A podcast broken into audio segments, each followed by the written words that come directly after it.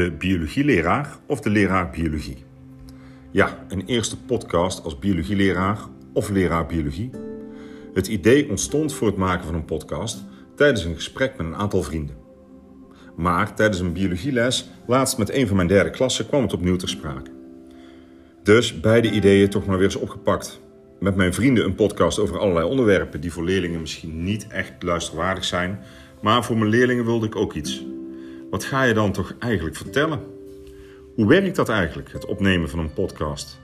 Wordt dit weer zo'n idee waarvan, tja, laat ik het maar gebeuren? Of wordt het een idee wat ik verder uit ga werken?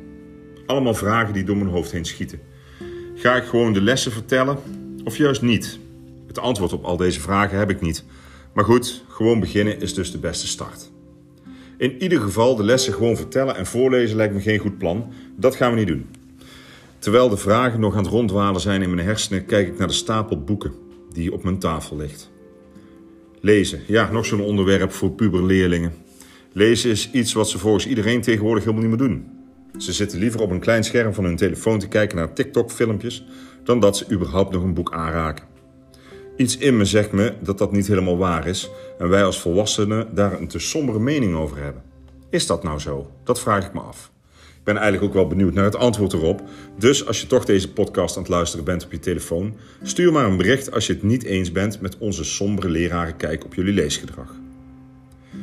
Hmm. Misschien wil, wie wil ik nou eigenlijk aanspreken?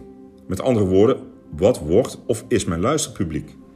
Natuurlijk heb ik mijn eigen leerlingen laten weten dat ik begonnen ben met het maken van een eigen podcast.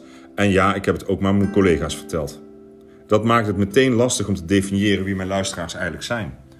Als je het saai vindt, ben je al lang gestopt met luisteren en door naar het volgende TikTok-filmpje. Dus is dit iets waar ik me druk over moet gaan maken? Nee, dat ga ik maar niet doen. Ik kijk weer eens terug naar de stapel boeken naast mijn computer. Boeken met intrigerende titels zoals De Eendeman over homoseksuele necrofilie en ander opmerkelijk diergedrag.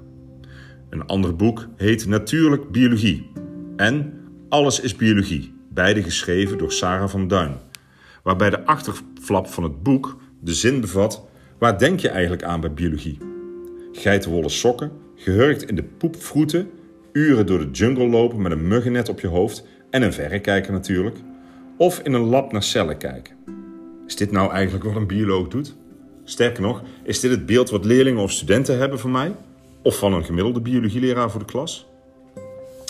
Nou, in mijn geval denk ik van niet. Ja, in een ver verleden heb ik het gedrag van wolven in het wild bestudeerd. Ik heb neushoornpoep geschept in de Beekse Bergen en ik heb ook wel eens ooit met een vlindernet door een weiland gesjouwd. Maar dat zijn dingen die ik in mijn lesgeefpraktijk al lang niet meer doe. Leerlingen meenemen in een verhaal en in de actualiteit. Het zorgen dat ze weten wat ze moeten kennen en kunnen voor hun examen. Ze begeleiden in het maken van hun taken. Luisteren naar alledaagse problemen en het ook een beetje gezellig maken in het klaslokaal. Dat is de kerntaak van mijn beroep als leraar. Het biologische aspect is daarbij, zeker binnen het VMBO, eerder wat op de achtergrond terechtgekomen. Soms maak ik mezelf er ook wel makkelijk vanaf door te zeggen: ik ben leraar biologie waarmee ik mezelf verontschuldig voor het feit dat ik niet elk weekend door een bos heen struin op zoek naar die ene zeldzame vogel. Ondertussen voor mezelf herhalend welke planten ik op mijn wandelingen tegenkom. Nee, in het weekend sta ik als vader keurig langs een sportveld. Ik doe boodschappen, het huishouden en ik kijk Netflix. Of ja, ja, dat dan weer wel, ik lees een boek. Die stapel ligt er hier niet voor niets. Maakt me dat nou eigenlijk een slechte biologieleraar? Ik heb oprecht geen idee. Natuurlijk vind ik mezelf een prima biologieleraar, maar mijn biologische kennis is wel wat ondergestopt, geraakt de laatste jaren. Tijd dus voor een nieuwe reis door de wondere wereld van de biologie. En op die reis wil ik jullie als luisteraar graag meenemen. Misschien dat het me tijdens die reis duidelijk wordt. Ben ik nu biologieleraar of leraar biologie? Ik sluit deze openingspodcast af met een klein stukje uit een van de boeken die voor me ligt. Het zou een stukje kunnen zijn wat ik letterlijk altijd aan het begin van het jaar zeg. Het is geschreven door Sarah van Duin en komt uit het boek Natuurlijk Biologie. Biologie betekent letterlijk de leer van het leven. Onze wereld draait om ons leven, maar er zijn nog veel meer organismen dan wij. Wat doen we daarmee? Tot nu toe verloopt die samenwerking niet heel goed. En dat terwijl we toch afhankelijk zijn van de natuur om ons heen. Die zorgt voor ons eten, voor de lucht die we inademen en het water wat we drinken. Wanneer je meer begrijpt van wat dieren en planten allemaal doen voor ons en de aarde, is het wellicht makkelijker om ze te respecteren. Terwijl ik dit zo voorlees, komen er twee NOS-stories opploppen in mijn gedachten. Eén over een wolvin die door wildcamera's van natuurmonumenten is gezien op de Hoge Veluwe. En één van een lynx, ook wel de geest van het woud genoemd, die gefotografeerd is in de Ardennen. Wonderlijke en mooie dieren waar wij mensen de afgelopen eeuwen niet goed zijn mee omgegaan.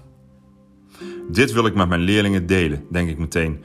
En erbij vertellen waarom het zo belangrijk is om dit soort toppredatoren te hebben in een mooi en goed natuurgebied. Waarom het ook belangrijk is voor ons als mensen, enzovoorts, enzovoorts, enzovoorts. Mijn gedachten gaan al door naar in welke les ik dit kan vertellen, welke plaatjes of filmpjes ik erbij ga zoeken, welke lessen up ik ervoor in elkaar ga zetten. Misschien ben ik toch meer biologieleraar dan ik dacht. Dit was het eerste deel van de podcast De Biologieleraar vertelt. Een niet regelmatige podcast over de biologieles in en buiten de klas. Vond je het leuk? Laat een post achter in de comments of klik op de like-button of subscribe. Tot de volgende podcast. Misschien met een gast, maar misschien ook niet. Hoi!